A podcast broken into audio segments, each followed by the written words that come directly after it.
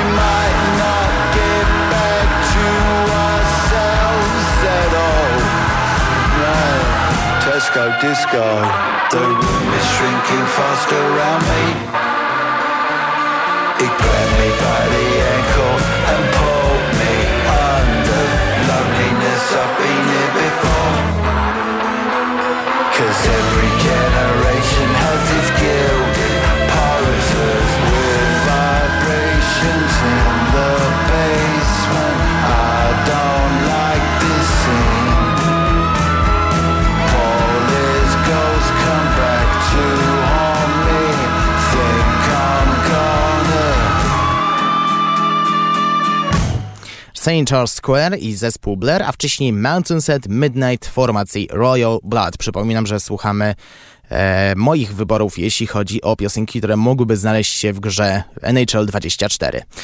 Kontynuujemy dzisiejszy reset, e, właściwie dopiero zaczynamy. Przed nami podsumowanie najważniejszych wydarzeń ostatnich siedmiu dni. Growe informacje.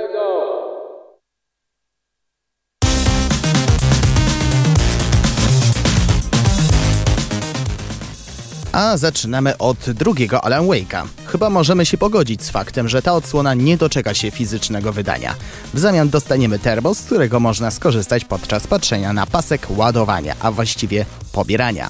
A czy zastanawialiście się, dlaczego Remedy zdecydowało się na ten krok? Jak zapewniają twórcy, czyli Sam Lake i Kyle Rowley, wersja cyfrowa dla wszystkich platform jest czymś pozytywnym, ponieważ dzięki temu zyskują więcej czasu na szlifowanie gry.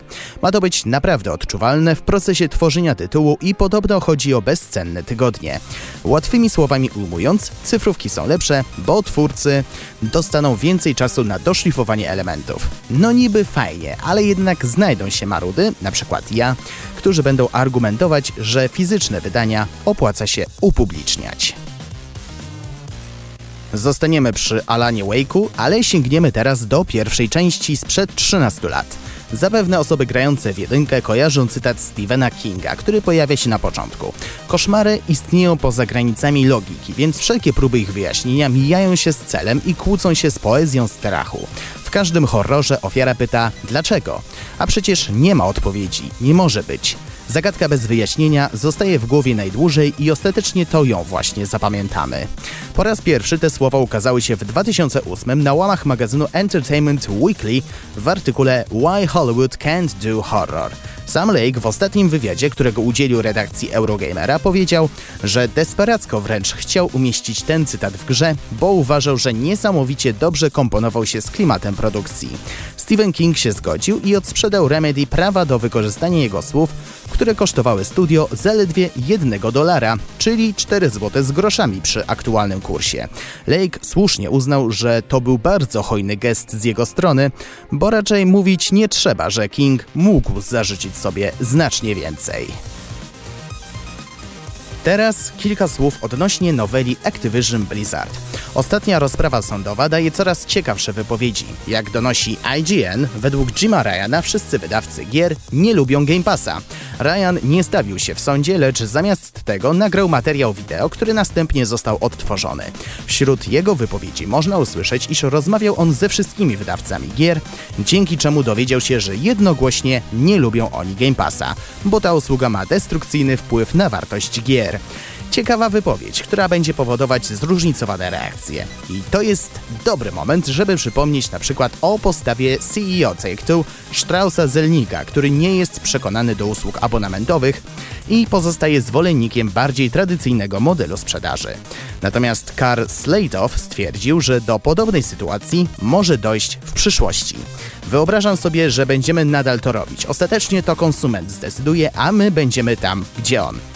I zwraca on uwagę na pewien niezwykle istotny czynnik. Ostatecznie mamy tu do czynienia z zapewnieniem kolejnego modelu płacenia za dostęp do, do gier. Nie jest to przymusowe i zarówno wydawcy gier mogą zdecydować o tym, czy chcą oferować swoje produkty w Game Passie, jak i konsumenci mogą decydować o tym, czy chcą ogrywać produkcję za pośrednictwem abonamentu. Co natomiast z opłacalnością Game Passa dla deweloperów i wydawców gier? Moja odpowiedź jest taka, że jeśli ktoś nie będzie chciał wrzucać swoich produkcji do abonamentu, wtedy nikt go do tego nie zmusi. Mimo tego warto przypomnieć, że nawet Microsoft potwierdził w przeszłości, iż Game Pass może obniżać sprzedaż gier. Pozostając w tej tematyce, wszyscy, w tym ja, się zastanawiają, jak będzie wyglądać następca Switcha. Jak donosi The Verge, temat wypłynął w trakcie przesłuchania Bobiego Kotika, szefa Activision Blizzard, który tłumaczył się z nieobecności serii Call of Duty na konsolach Nintendo. Przegapiliśmy naszą szansę na poprzedniej generacji Switcha, a teraz musimy poczekać na konkretną specyfikację. W tej chwili nie mamy żadnych planów, by to zrobić. Koniec cytatu. Jednocześnie Kotick wyjawił, że Activision Blizzard cały czas rozmawia z Japończykami o ich kolejnej konsoli, która miałaby udźwignąć sprzętowy ciężar Call of Duty. Jego zdaniem następca Switcha ma dorównywać urządzeniom ósmej generacji, a więc PlayStation 4 i Xboxowi One. Choć słowa Bobiego Kotika mogą wprawiać w konsternację, taka wersja wydarzeń zgadzałaby się z kierunkiem obranym przez Nintendo już lata temu. Firma wycofała się bowiem z wyścigu zbrojen na rzecz większej kreatywności i choć jej konsole nie zachwycają najsilniejszymi podzespołami, to działają na wyobraźnię graczy swoimi pomysłami. W taki sposób rynek zawojowały Wii i właśnie Switch. Zostawmy już tematy wałkowane od wielu miesięcy. Przejdźmy do czegoś przyjemniejszego. W życiu są rzeczy ważne i ważniejsze, a granie w Diablo 4 jest ponad tymi kategoriami, ponieważ to sens życia. Oczywiście żartuję, ale musicie przyznać, że zdobycie jednego z najrzadszych przedmiotów w Diablo 4 jest imponującym osiągnięciem, o którym dosłownie będą powstawać newsy na całym świecie. Nieźle, prawda? Jak donosi m.in. IGN, przedmiot o nazwie Andarius Visage został zdobyty przez Polaka o ksywie Yes You. Z kolei streamer Nadine Wins podzielił się tym na YouTubie.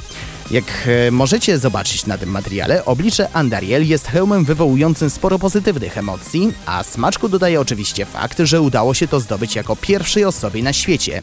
Jesu dokonał tego za pomocą barbarzyńcy na 91 poziomie, a cenna nagroda wpadła za ukończenie koszmarnych podziemi. Wielu zwraca uwagę na fakt, że oblicze Andariel to naprawdę potężny przedmiot, który pozwala zbliżyć się do nieśmiertelności, jako że umożliwia wyjątkowo dobre przywracanie punktów życia. Gratulujemy! Lada moment ukaże się po długim czasie trzecia odsłona Baldur's Gate'a. Jeśli myśleliście, że gra doczeka się obsuwy, to macie rację, ale jest też druga strona medalu. Mianowicie opóźniona zostanie wersja na konsolę PlayStation 5, ale nieznacznie, bo z 30 sierpnia na 6 września. Co natomiast z PC Master Race? Czy ta produkcja również będzie miała opóźnioną premierę? Nie, wręcz przeciwnie. Gra ukaże się znacznie wcześniej, bo już 3 sierpnia. Twórcy przyznali, że potrzebują dodatkowego czasu względem wersji na PS5, aby dopracować swoją grę. Celem Larian Studios jest zaoferowanie 60 klatek na sekundę na konsoli i są blisko osiągnięcia tego celu. Jednocześnie studio potwierdziło, że nie ma żadnej umowy na ekskluzywność Baldur's Gate 3 na PlayStation 5. Deweloperzy jednak potrzebują więcej czasu, aby dopracować grę na Xboxach Series. Zapowiedzieli jednak, że gra pojawi się na konsolach Microsoftu jeszcze w tym roku. cool. A na koniec muzyczna wieść z Wrocławia. Oficjalna trasa z muzyką znaną z gier Square Enix zadebiutuje w Polsce 14 października tego roku w Narodowym Forum Muzyki we Wrocławiu. Final Symphony to oficjalnie licencjonowany przez Square Enix koncert, w trakcie którego prezentowane są tematy muzyczne z gier Final Fantasy VI, 7 oraz 10. Jak zapewniają organizatorzy, aby docenić uwielbiane przez fanów dźwięki skomponowane przez Nobuo Uematsu i Masahirego Hamazu, Wcale nie trzeba być fanem klasyki JRPG-ów. Wystarczy kochać piękną muzykę ilustracyjną, interpretowaną na żywo w wyjątkowo emocjonalny sposób. Za organizację występu w Polsce odpowiada Fundacja Game Music. To kolejny projekt fundacji obok realizacji autorskiego Game Music Festiwalu, mający na celu popularyzację muzyki do gier wideo.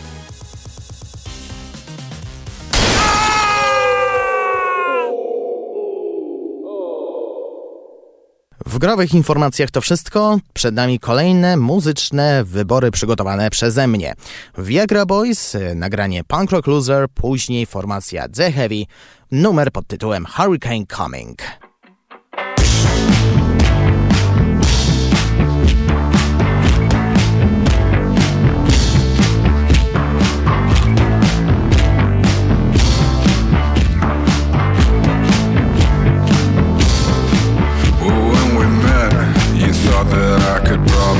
Change. I warned you then that baby, I don't seem insane, but I fucking am. And I'm rocking a little gold chain that ain't real gold. I told you, yeah, it's fucking fake. I spend my money elsewhere on different things that come in little plastic bags, and they disappear the same night. The same night.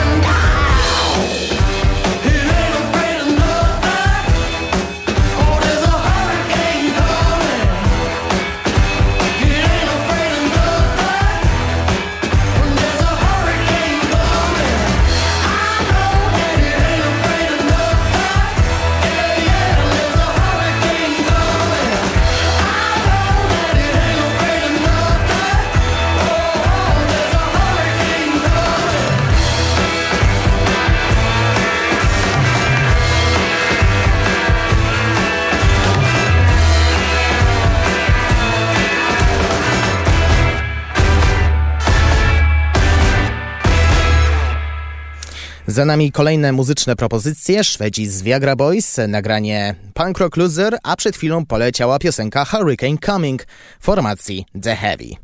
Słuchacie audycji Reset, czas na zapowiedzi tytułów na przyszły tydzień. Przegląd premier. 4 lipca ukaże się Synapse, FPS, w którym wcielamy się w rolę tajnego agenta, którego zadaniem jest eliminacja zagrożenia ze strony wrogów państwa. W przeciwieństwie do Jamesa Bonda, sama Fischera i innych swoich kolegów po fachu, protagonista nie musi polegać wyłącznie na własnym sprycie i broni palnej. Agent posiada bowiem umiejętności telekinetyczne, które czynią go prawdziwym postrachem adwersarzy. W Synapse akcję oglądamy z perspektywy pierwszej osoby, przemierzając lokacje i realizując postawione przed nami zadania, eliminujemy zastępy przeciwników. W prawej ręce protagonista dzierży pistolet, natomiast lewa służy mu do korzystania z jego telekinetycznych mocy. Dzięki tym ostatnim bohater może nie tylko podnosić obiekty, w ten sposób usuwając z drogi przeszkody lub pozbawiając nieprzyjaciół osłon, lecz również chwytać na odległość samych wrogów i miotać nimi w pozostałe cele, czy też rzucać nimi w przepaść. Zdolności te przydają mu się również do odrzucania lecących w jego kierunku granatów. W miarę postępów rozwijamy umiejętności bohatera, dzięki czemu z czasem staje się on coraz lepszą maszyną do zabijania, a starcia robią się coraz bardziej widowiskowe. Gra ukaże się wyłącznie na konsoli PlayStation 5. 6 lipca na konsolach PlayStation 4, PlayStation 5, Xbox One i Xbox Series ukaże się Guild, który stanowi połączenie gry przygodowej i survival horroru. Akcja obraca się wokół dziewczynki o imieniu Sally, której kuzynka Emily zaginęła w tajemniczych okolicznościach. Bohaterka decyduje się wyruszyć na jej poszukiwania. Zadanie to nie należy jednak do najłatwiejszych. Całe miasto zostało opanowane przez mroczne istoty, które nie mają przyjaznych zamiarów. No, rozgrywka w Guild opiera się w dużej mierze na przemierzeniu kolejnych etapów. Każdy z nich jest opanowany przez szereg przeciwników, którzy czyhają na życie protagonistki. Zadaniem gracza jest unikanie ich wzroku. W tę grę mogą grać także posiadacze PC-ów. Tego samego dnia na konsoli Nintendo Switch ukaże się Necrosmith. Gra strategiczna wzbogacona o elementy zaczerpnięte z gatunku Tower Defense.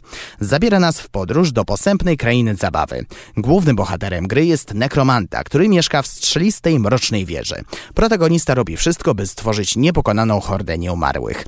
Tylko przy ich pomocy będzie mógł bowiem raz na zawsze rozprawić się z wybrańcami, którzy depczą mu po piętach i znaleźć sposób na opuszczenie tego dziwnego świata.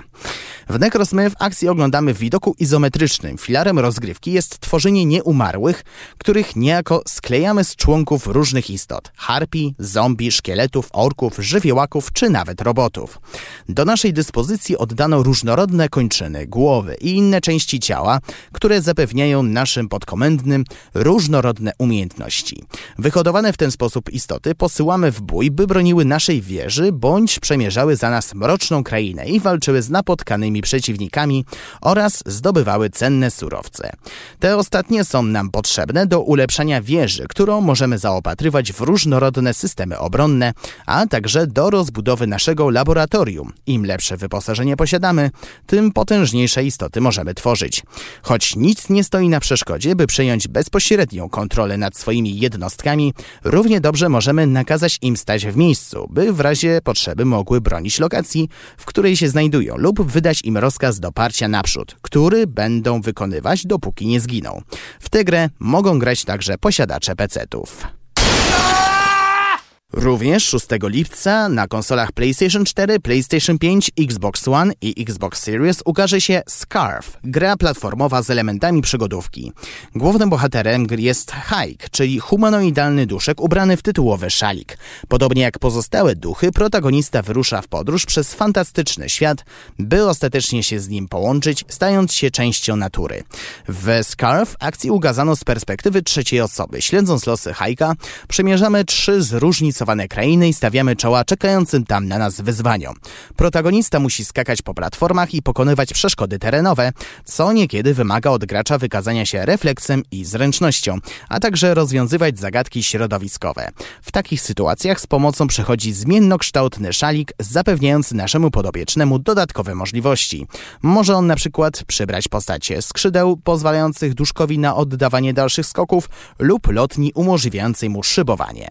Warto od odnotować, że na odblokowanie czeka tu opcjonalne zakończenie. By zobaczyć tę wersję finału przygód Hajka, musimy jednak należycie przyłożyć się do eksploracji odwiedzanych miejsc.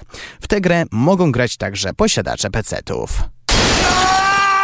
Także 6 lipca na konsoli Nintendo Switch ukaże się The Past Within, kooperacyjna przygodówka. W tej produkcji zadaniem gracza jest odkrycie tajemnic związanych z mężczyzną imieniem Albert van der Boom. Problem w tym, że on już nie żyje. Jedynym sposobem na poznanie potrzebnych nam odpowiedzi jest więc kontakt z przeszłością i współpraca z osobą z tamtych czasów. The Past Within to przygodówka stawiająca na tryb kooperacyjny. W nim dwie osoby muszą rozwiązywać zagadki ściśle współpracując między sobą. Każda z nich bawi się w innym okresie historycznym. Jeden z nich jest ukazywany w formie dwuwymiarowej, a drugi w 3D. Oba okresy są ze sobą ściśle powiązane. Wskazówki w jednym z nich służą do rozwiązywania łamigłówek w drugim. E, podobnie nasze działania znajdują odbicie w innym okresie historycznym. Przykładowo, do otwarcia sejfu mogą nam być potrzebne cztery symbole, które drugi gracz może odkryć, analizując obrazy na własnym ekranie. W tę grę mogą grać także posiadacze PC-ów.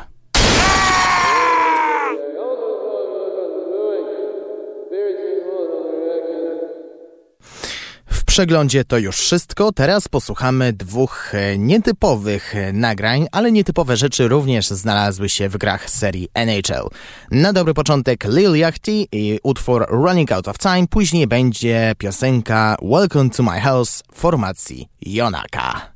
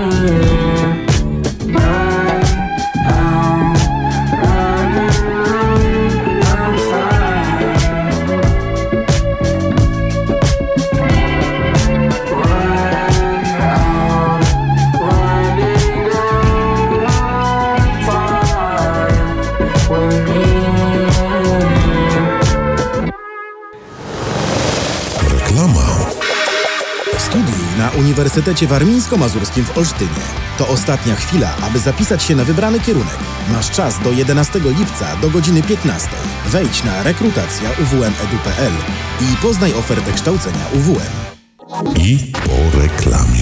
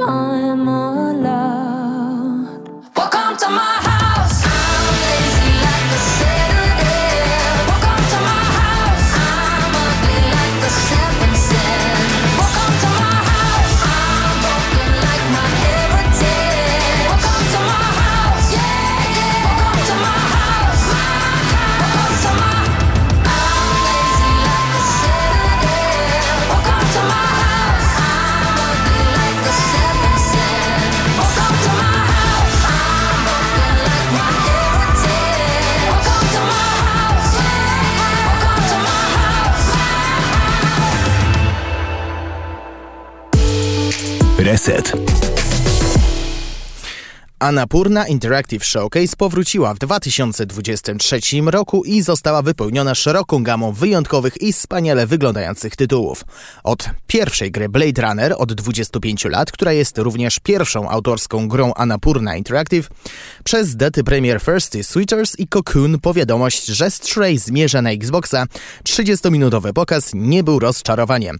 Jednak minęło dość szybko i być może trudno było śledzić wszystko, co ogłoszono, więc więc e, w tym e, materiale, a właściwie w tym punkcie, czyli temacie odcinka, zebrane zostały wszystkie największe ujawnienia, a jeśli chcecie zobaczyć zwiastuny, to musicie mm, odpalić samą prezentację w trakcie słuchania audycji, żebyście niczego nie przegapili. A zaczniemy od e, Blade Runner 2033 Labyrinth, który jak wspomniałem wcześniej jest e, nie tylko pierwszą grą Blade Runner od 25 lat, jest też pierwszą grą firmy Annapurna Interactive, o czym również wspomniałem przed e, paroma sekundami. O tej produkcji jeszcze zbyt wiele nie wiemy, ale potwierdzono, że będzie miała miejsce zgodnie z tytułem w 2033 roku w dystopijnym Los Angeles po zaciemnieniu i zmieści się pomiędzy oryginalnym e, filmem Łowca Androidów a Blade Runnerem 2049. Później był Cocoon, długo oczekiwana światowa gra o skokach od Geometric Interactive i głównego projektanta rozgrywki Limbo i Inside zostanie oficjalnie wydana 29 września. Wraz z ogłoszeniem daty premiery otrzymaliśmy również nowy zwiastun rozgrywki. I teraz e, kieruję słowa do miłośników kotów, bowiem Stray w końcu trafia na konsole Xbox One i Xbox Series już 10 sierpnia.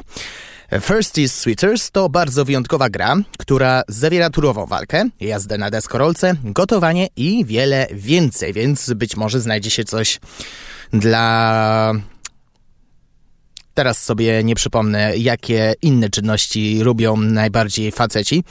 Zostanie ta produkcja wydana 2 listopada, a w grze występuje Jala, która przez całą grę będzie musiała stawić czoła swoim byłym, poradzić sobie z wymagającymi rodzicami, przygotować na ślub siostry i wiele więcej w tej grze, która jest również stylowym świętem kultury Azji Południowej, czyli nie, y, żarty zostawmy na bok. Kolejna produkcja, Lorelei and the Laser Eyes. To uderzający tytuł, który obiecuje zabrać graczy w podróż do koszmarnej surrealności.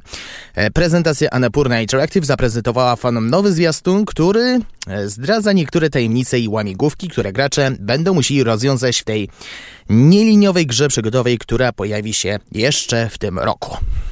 Tymczasem Lush Foil Photography Sim pozwala graczom odkrywać realistyczne odtworzenia rzeczywistych miejsc za pomocą w pełni wyposażonego aparatu i być może to będzie piękna przygoda na całej planecie. Rozgrywka odbywa się w pierwszej osobie, a na graczy, którzy rozumieją co trzeba zrobić, aby uchwycić idealne ujęcie, czekają sekrety i ukryte cele. Mm, o dacie premiery na razie nie wiadomo. E, teraz coś od twórców e, Katamari Damacy, mianowicie 2AT. Przezabawnie wyglądająca gra, w której postać utknęła w pozycji T 280 jest zapowiadana jako epizodyczna przygoda 3D, która silnie koncentruje się na postaci, interakcji, fabule i eksploracji, a główny bohater po prostu próbuje wieść normalne życie, tkwiąc w nieidealnej pozycji w każdym momencie.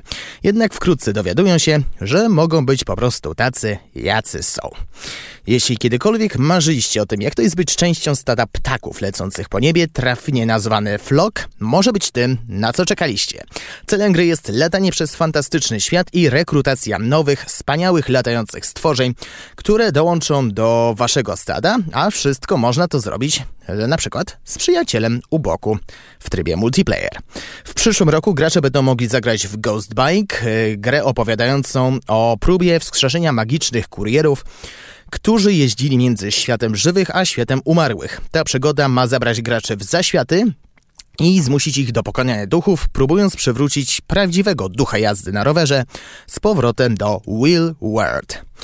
E, kolejna produkcja, Mandunk. Tutaj ten tytuł jest już dostępny nie tylko na PlayStation 5 i Xbox Series X, ale ma również nową aktualizację, która E, dodaje obsługę 4K 60 klatek na sekundę na platformach obecnej generacji, poprawki błędów, nowe języki i nie tylko. Położony w mrocznej części Alp, Mount Zone został wydany po raz pierwszy w 2021 roku, czyli dwa lata temu i jest pełen śmiercionocznych stworzeń, przebiegłych łamigłówek, przerażających momentów i nie tylko.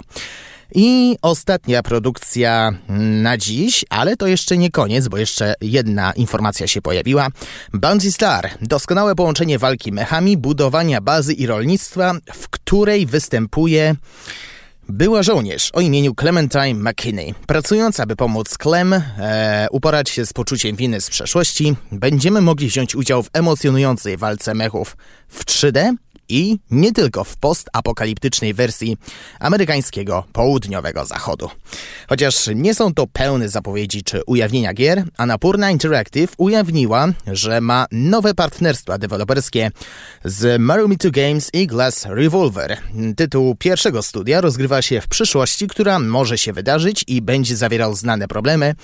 E, gra drugiego dewelopera nazywa się Wake Hill Monsters i ujawniono, że pierwotnie miała być w 2D, zanim szef Jacob Williams zdecydował się usunąć cały projekt i przejść na 3D. I podsumowując tę krótką, ale jakże treściwą prezentację, idealne zakończenie tak zwanego festiwalu zapowiedzi, którego następna odsłona pojawi się w sierpniu wraz ze startem targów Gamescom. Reset. I w 112 odcinku Resetu to już wszystko. Mam nadzieję, że to, co dla Was przygotowałem, zarówno merytorycznie, jak i muzycznie, przypadło Wam do gustu. Tradycyjnie za kilka minut pojawi się Mateusz Sikorski z audycją Kociołek Melomana, a na pożegnanie ostatnie muzyczne propozycje, ostatnie dwie piosenki, które moim zdaniem powinny trafić do NHL 24. A Certain Ratio z nagraniem Holy Smoke, później Hemlock Springs, młoda obiecująca artystka z utworem Stranger Danger. Przypominam, że archiwalne wydania Resetu możecie znaleźć na Spotify radia UWMFM. Zachęcam też do obserwowania facebookowego profilu Resetu. Niedługo znajdzie się playlista dzisiejszego wydania, a także możecie znaleźć zapowiedzi i być może coś więcej. Z mojej strony to wszystko. Przy mikrofonie mówił Szymon Tołpa. Kłaniam się nisko i do usłyszenia w środę po godzinie 19. One, two,